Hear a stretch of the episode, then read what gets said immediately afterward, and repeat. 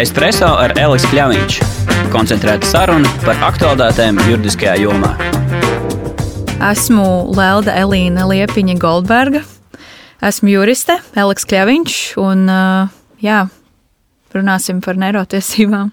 Jā, šoreiz mēs runāsim par tādu salīdzinoši specifisku tēmu, kas šķietam stāv diezgan tālu no tiesību zinātnes par neirotehnoloģijām un neirotehnoloģiju ienākšanu uh, uzņēmējdarbībā un dažādās uzņēmējdarbības sfērās. Bet, uh, kā jau jūs dzirdēsiet vēlāk, tad nemaz tik tālu tas no tiesību zinātnes nestāv. Patiesībā ļoti tuvu. Uh, varbūt uh, jūs varētu vispirms raksturot neirotehnoloģiju attīstību, varbūt sašaurinot arī mazliet par ko mēs īsti runājam. Nu, kādas tad ir tās iespējas, ko jau šobrīd ar neirotehnoloģiju palīdzību biznesā var veikt?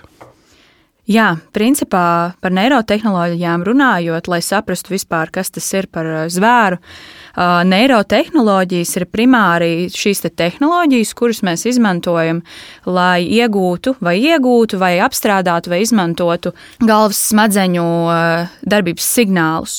Un ar šiem signāliem vai nu tiek veikti, pieņemsim, ieraksti, lai veiktu, līdz šim tika izmantot medicīnā, lai veiktu, pieņemsim, dažādus garīga rakstura slimības vai iedzimtas slimības konstatēšanu vai arī viņas pat tiek izmantotas arī, lai veiktu šo atgriezenisko saiti, lai izmainītu šo smadzeņu stimulus un tādējādi veiktu, pieņemsim, bionisko roku darbināšanu. Vai arī pavisam nesen ir arī atklāts, ka šos smadzeņu signālus var izmantot arī komerciāliem nolūkiem, personīgo šāda interešu uzzināšanai, kaut kāda preferenču uzzināšanai, kā ja neiromārketingā.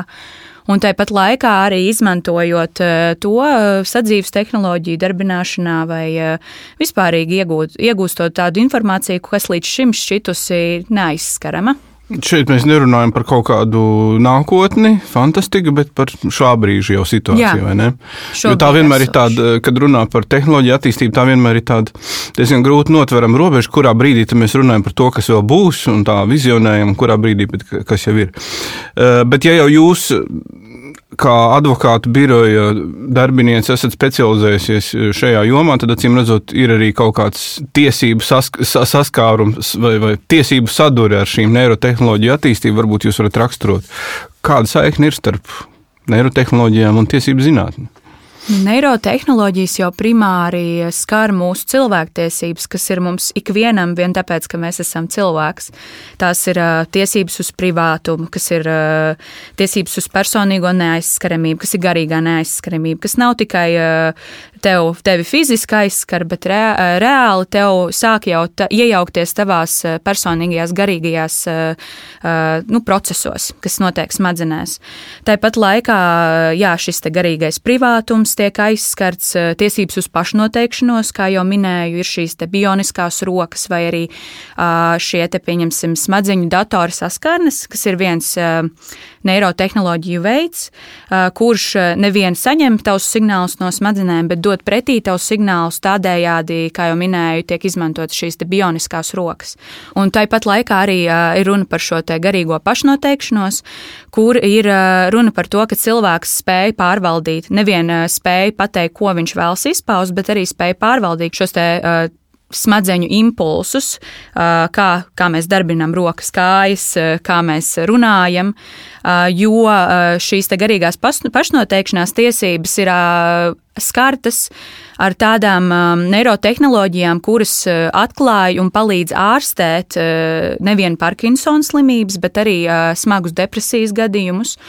Un ņemot vērā, ka šīs te tehnoloģijas var tikt izmantotas jau uh, komerciāliem nolūkiem, uh, Tad uh, radies jautājums, kurā brīdī mēs varam apstāties un pateikt, uh, paga, šobrīd kā, tas jau iet pārāk tālu mūsu privātajā sfērā, mūsu iekšā, mūsu ķermenī. Mm -hmm. Bet nu, es saprotu, ka jau gadiem ilgi Eiropas Savienība cenšas um, nu, tieši tehnoloģiju attīstību jomā savu regulējumu kā, nu, neteiksim, apsteigt, tas atcīmredzot nebūtu iespējams, bet nu, vismaz turēt līdzi, um, izstrādājot ar vien jaunus kaut kādus regulējumus, kas tieši attiecās uz tehnoloģiju attīstību. Vai šeit arī, jo šī jau izklausās tiešām pēc zinātniskās fantastikas, un ietiekties ar tiesību zinātni domu regulējumā, tas ir diezgan kaut kas grūti tverams. Bet vai tomēr Eiropa cenšas kaut kādu vismaz regulējumu piemērot un ieviest? Uh, jā, Eiropā ir pastāvējis uh, jau tiesiskais regulējums jau vairāk kā 60, 70 gadus, uh, kas vienkārši laika gaitā attīstās caur tiesu praksi. Un pat ja šīs tiesības tika rakstītas jau pirms ievērojama laika, tomēr ar tiesu praksi tiesa cenšas viņas modernizēt un pielāgot jau modernākām problēmām. Un tāpēc uh, ir, jā, ir tiesība akti, kuri jau uh, pastāv un kuri tiek piemēroti arī šobrīd, bet uh, paralēli tam, protams, ir gan Eiropas padome, gan arī Eiropas Savienības institūcijas cenšas veidot jaunus tiesību regulējumus, kas būtu nu, specifiskāki un vairāk attiecināmi uz šādiem, šādām tehnoloģijām. Pieņemsim, ir plāns veidot šo mākslīgā intelekta regulu Eiropas Savienībā, kas regulētu šo tieši mākslīgo intelektu. Bet tas ir plašāks, plašāks temats. Un tas attiektos tikai pieņemsim uz neirotehnoloģijām, kuras izmanto mākslīgo intelektu. Un pieņemsim tālāk, citas neirotehnoloģijas netiktu skārtas. Principā jau arī ar datu aizsardzības regulu bija arī tā problēma, ka mums visu laiku šie dati tika izmantot. Mēs pat neapzinājāmies, ka internetā mums visu laiku dati tika izmantot, mūsu personīgā informācija. Tad nāca šī regula Un tu viens pēc otra varēja redzēt, kā saņem lielie, lielie uzņēmumi, kur apzinājās šos riskus vai tam līdzīgi. Viņi saņem milzīgas summas sodus no Eiropas Savienības par šo datu aizsardzību pārkāpumiem. Jo nu, vienkārši jā, līdz tam cilvēks pat neapzinājās, cik daudz no viņa informācijas par viņu pasaka. Tomēr esošajā situācijā šī datu aizsardzības regula, viņa, lai gan sargā arī neirotehnoloģiju izmantošanā esošos datus, tomēr šie neirotehnoloģiju dati ir ļoti augstas sensitivitātes. Viņi ir, viņi ir gan šo neirotehnoloģiju izmantošanas laikā smadzeņu impulsi rada ļoti daudz informācijas. Tā ir tā kā smadzeņu noplūde. Un šī informācija ir ļoti sensitīva, un viņa var atklāt ļoti daudz informācijas par pašu personu. Gan par, gan par viņa fizioloģiskajām darbībām, smadzeņu, smadzeņu darbības laikā, gan arī par viņa slēptiem nodomiem, par viņa personīgiem uzskatiem, par dažādām garīgajām nepilnībām, neslimībām, bet tādām novirzēm, kas varbūt tās sabiedrībai uzzinot, varētu rast aizspriedums par šo personu. Un tādēļ šī datu aizsardzības regula aizsargā šīs datu izmantošanu medicīnā, bet medicīnā, nevis komerciālajās neirotehnoloģijās. Tāpēc rodas risks, ka šīm te tehnoloģijām, ieejot tādā kā patērētāja dzīvē, varētu rasties problēma ar šo datu aizsardzību. Nu jā, jo datu regula pastāv un citi regulējumi, kā jūs teicāt, tiesa praksa, bet tā piemērojamība ir pavisam citos apstākļos šobrīd. Teiksim, ja, ja man eh, ar neiromārketinga palīdzību kāds mani mudina izdarīt kaut kādas izvēles, man pašam to varbūt pat neapjaušot, tad ir grūti saprast, kā šī tiesību norma tiktu praktiski piemērot, kā kāds to kontrolēt, kā kāds saprast, ka tas notiek. Jā. Jo šobrīd, nu, ja es pareizi saprotu, šobrīd bez manas ziņas īsti tas nevar notikt, vai ne? Es piekrītu kaut kādam šim te neiroeksperimentam, ja tā drīkst teikt, un tad viņš notiek. Jeb nē. Jā, nu, tehniski. Uh cik man ir zināms, nav bijuši gadījumi, kur attālināti to personai neapzinoties varētu izdarīt. Bet šāds risks ir identificēts, jo ir pastāv arī šādi radio viļņi, ar kuriem, pieņemsim, P3000 viļņi, ja nemaldos, viņi saucās ar kuru palīdzību attālināt, izmantojot atsevišķas neirotehnoloģijas, kuras spēj attālināt, uztvert smadzeņu signālus, var nolasīt personas domas. Bet tas nav kā domas, kā lasot grāmatu vārds vārdā, bet var dabūt smadzeņu impulsus, kurus pēc tam var iztulkot konkrētos uh, datos. Un uh, šādi eksperimenti ir veikti, un ir secināts, ka tas ir iespējams. Tādēļ uh, pastāv ļoti liels risks, ka nākotnē šīm te tehnoloģijām esot arvien pieejamākām, mums, mums pastāv risks, ka mūsu datus varētu nolasīt pat mums neapzinoties. Un tas ir diezgan būtisks risks mūsu personīgajām tiesībām. Nu jā, bet, ja mēs ņemam šā brīža situāciju, tad pieņemot, kā ar manu piekrišanu, tad ar to brīdi es it kā arī uzticu uz to savu informāciju tiem, kas to dara.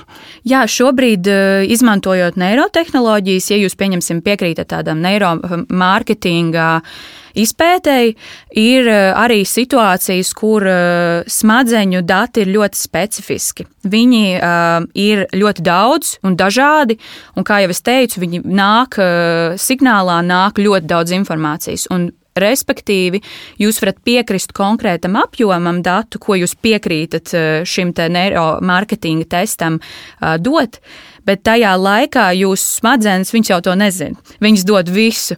Un tāpēc uh, rodas situācija, ka jūs iedodat vairāk datu, kā jūs vispār esat piekritis. Un tad ir šīs otras personas uh, risks, ka viņa var izmantot vairāk, kā jūs esat atļaus, un jūs pat to neapzināties. Jo jūs jau nevarat pārbaudīt, ko jūs, kādu signālu un cik daudz jūs devāt. Un tas ir tīri uz otras personas sirdsapziņas, cik daudz no tā tiks izman, nu, izmantos uz šī testa pamata. Nu jā, jo šī datu uzticēšana vispār ir viena arī ļoti plaša un interesanta tēma. Jo no vienas puses, nu man kā personai šķiet, nu, ka es saskatu dažādas apdraudējumus tur. Nu, ja es, pieņemsim, ka es uzticu visus savus datus no, manām, no mana prāta, vai ne? Uh, No otras puses, teiksim, tehnoloģiju uzņēmums, labticīgs tehnoloģiju uzņēmums, teiks, bet, eh, ja es savācu ļoti daudz datus par daudziem cilvēkiem, es varu uzlabot reāli jūsu dzīvi. Es varu samazināt, tur, es nezinu, energopatēriņu, zinot, kāda ir jūsu paradumi. Jā. Es varu sekot līdzi jūsu veselības stāvoklim un tā tālāk un tā joprojām. Un tas ir kā tāda, nu, tā, tur acīm redzot, nav tāda viena melnbalta patiesība. Protams, no vienas puses. Uh, var skatīties uz neirotehnoloģijām. Protams, nav tagad eh, jābaidās no neirotehnoloģijām. Tas viennozīmīgi atvieglos, jau atvieglo mums dzīvi, un ar tām ir iespējams eh, dabūt ļoti daudz svarīgu informāciju, kas, pieņemsim, medicīnā eh, ļoti daudz personām ir palīdzējis. Un tāpat laikā arī šīm bioniskajām rokām cilvēks ar amputētu roku vai kāju līdz šim, pieņemsim, nevarēja funkcionēt normāli ar nu, tikai vienu no diviem pieņemsim locekļiem, bet savukārt šīs bioniskās rokas dod iespēju viņiem atgūt vēl vienu no savām ekstremitātēm. Tas ir fantastiski iespēja. Bet ir šis otrs faktors. Cilvēks eh, neapzinās, cik ļoti svarīgs ir tomēr šis privātums. Un smadzeņu dati ir viena no sensitīvākajām informācijām, jo tas sniedz informāciju ne tikai par tavu veselību, ne tikai par taviem garīgiem procesiem, bet arī par taviem personīgiem uh, uzskatiem. Uh, ir bijuši eksperimenti, kur uh, ar neirotehnoloģiju palīdzību ir iegūta in informācija par to, kādas ir pieņemsim personas personīgi uzskati par uh, seksuālo orientāciju. Var pat uzzināt personas seksuālo orientāciju. Viņš var neatklāt to, un tas ir ļoti privāts jautājums, bet uh, caur neirotehnoloģijām to var atklāt. Un uh, vien apzinoties, uh, ka šāda informācija varētu nonākt sabiedrībā, es ticu, ka ļoti daudziem var rast ļoti nepatīkams uh, bailes par to, kas varētu notikt tālāk. Mm -hmm. Jā, sociologi varētu sapņot par šādiem datiem, jo pēkšņi tu zini, ko patiešām domā Latvijas sabiedrība. Bet eh, jūs, kā juristi, cik es tā saprotu, esat ļoti specializējušies šajā eh, jomā. Vai tas ir tāpēc, ka jūs saskatāt, ka šeit būs jums kaut kāds īpašs darbs, vai jums vienkārši tas interesē, vai kāds ir tas iemesls, kāpēc šī joma? Jā, šī joma vispār eh, tapa man esot praksē cilvēktiesību tiesā paralēli strādājot mūsu birojā. Un, vienkārši uzzinot par šo tēmu un sākot interesēties par šo tēmu, es sākumā vispār neapzinājos, kas ir tās neirotehnoloģijas. Man bija, man bija priekšstats par to. Un uzzinot vairāk par šīm te tehnoloģijām un apzinoties, ka tiešām ir reāls risks, ko personām, varbūt parastam cilvēkam, redzot šīs te interesantās tehnoloģijas, pirmais, ko viņš iedomājas, wow, tas būs tik forši, es varēšu tur darbināt savu mašīnu ar, ar čipu palīdzību, veidot komandas. Un, uh, tas sākumā šķiet tik fascinējoši un interesanti, bet tad uh, neapzinoties šo datu sensitīvumu un datu uh, nu, svarīgumu un cik daudz no tevis var patiesībā tavi dati pateikt, īpaši neirodati. Cilvēks neapzinās eh, tomēr, cik liels risks ir eh, šo datu izmantošanā, ne, vienkārši neregulēšanā. Kad uh, tiesības nespēja tikt līdzi, un attiecīgi arī uh, cilvēks nav pasargāts uh, juridiski. Bet tam var tikt līdzi tiesības, jūsuprāt? Tas ir iespējams vispār? Nu, protams, tiesības nevar skriet priekšā, jo parasti tiesības attiestās ar, ar notikumiem. Bet tāpēc arī ir svarīgi par runāt ekspertiem, runāt vienkārši juristiem par šo jautājumu, vai tiešām mums vajag papildināt tiesības ar jaunām tiesībām, vai mums vajadzētu veidot jaunu precedentu, lai pirms šī problēma nekļūtu jau nu, tiešām smaga. Lai mēs būtu gatavi regulēt un ierobežot. Jo, pieņemsim, tagad jau pat pavisam nesen uh, Ilons Masks uh, paziņoja, ka viņiem, viņu kompānija Neuralink, kur veido šos smadzeņu čipus, ar kuriem būs iespējams veido, uh, vadīt savus viedās ierīces, viņi jau ir nonākuši līdz uh, cilvēku, testi, cilvēku testiem, ka respektīvi cilvēki jau var testēt šīs te ierīces un piedalīties testos, kas ir solis pirms tiek akceptēta šī ierīce. Un tad mēs varam sākt domāt, eh, kad šī ierēce nonāks eh, komerciālajos, eh, nu, tā kā komerciāli būs pieejama ikvienam patērētājam. Vai viņi ir pienācīgi aizsargāti, vai viņai nav risks tikt uzlaustai. Un tā kā iedomājoties, ka tev uzlauž čipu, kas ir tavās galvas smadzenēs, tas ir diezgan biedējoši. Un vai vispār šis čips, ir gatavs gan, gan, protams, kalpot cilvēkam, bet arī aizsargāt viņu. Kā, kā jums šķiet, kāpēc uh, mākslīgā intelekta radītāji un attīstītāji paši šobrīd ir teikuši, ka tas ir jāpiebremzē? Jā, es uzskatu, ka vi, viņi sāk saprast, eh, ka tas ir ļoti fascinējoši, eh, ļoti fascinējoši jauna joma, kura ļoti strauji sāk attīstīties, un mēs vienkārši sākam neapzināties, cik tālu mēs varam aiziet ar šīm tehnoloģijām. Jo es pieļauju, ka uh, desmit gadus atpakaļ mums nekad prātā nebūtu ienācis, ka mēs varam vadīt ar savu prātu uh, mašīnu vai uh, ar te, šiem te signāliem. Varam uzzināt, vai mums garšo, pieņemsim, ir šāds eksperiments bijis, kur uh, Coca-Cola ar uh, neirotehnoloģiju palīdzību uzzināja, vai cilvēkiem patiesi garšo Coca-Cola vai arī garšo uh, citas pakaļdarinājumi. Un uh, cilvēkiem pat nebija jāsaka, viņi varēja teikt, ka viņam negaršo, bet viņi pēc stimuliem redzēja, ka garšo ļoti labi un rada eiforiju. Un, uh, jā, atgriežoties pie tā, ko es saku, kurā brīdī mēs apstāsimies pie tās attīstības, jo, lai arī tiesību, tiesu prakse un tiesības cīnās ar šo problēmu un iet uz priekšu, tomēr neirotehnoloģijas šobrīd attīstās ļoti ātrā ātrumā var vienkārši sākt, eh, sākt veidoties tāda kā neirotehnoloģija katastrofa, kur eh, nav zināms, ko darīt tālāk. Jā, nevar, ne, nevarēs arī saprast, tad, tad vienā brīdī, kurš cilvēks vispār patiesi izsakās un kurš tiek tie, kur, ar kura mutu runā kāds cits visdrīzāk. Jā, un vai tu vispār vari iziet ārā mierīgi no mājas, un tev, tev netiek, tu netiec izmantots neiromārketingā, neapzinoties to, vai, nu, Tas, tas tikpat labi ir par, eh, jūs iepriekš minējāt par to lokāciju zināšanu, ka tev piedāvā uh, kaut kādus piedāvājumus, apzinot tavu lokāciju. No vienas puses tas ir ļoti noderīgi, bet no otras puses tu sāc domāt, kā, vai, es, vai es vispār varu iziet no mājas nebaidoties, ka mani izsako bezmaz vai, vai, vai jā, nu, sāk eh, ielausties manā brīvajā gribā. Mm -hmm. Nu jā. Šķiet, ka jēdzīgs varbūt ir tas piedāvājums, ko es esmu dzirdējis arī no mm, atsevišķu tehnoloģiju attīstītāju puses, ka varbūt eh, tas perspektīvākais virziens nav varbūt tīri, tīri mākslīgais intelekts, bet tas, ko sauc par to augmented intelligence, kur cilvēks tomēr kopā ar mašīnu kaut ko dara un, un izmanto mašīnas kapacitāti, bet te pašā laikā gan pieskat, gan arī varbūt kaut kādas robežas tam visam ievēro. Paldies jums liels par sarunu. Es domāju, esmu gandrīz pārliecināts, ka šī mm, varētu teikt, būs tikai pirmā sērija, jo šī tēma ļoti plaša un būtu prieks vēl uh, jūs sastapt, sastapt kādreiz mūsu raidījumos. Bet uh, šodien teikšu jums paldies, un tad uz tikšanos atkal citreiz. Paldies! Espreso ar Elisu Kļāviņš. Koncentrēta saruna par aktuālitātēm juridiskajā jomā.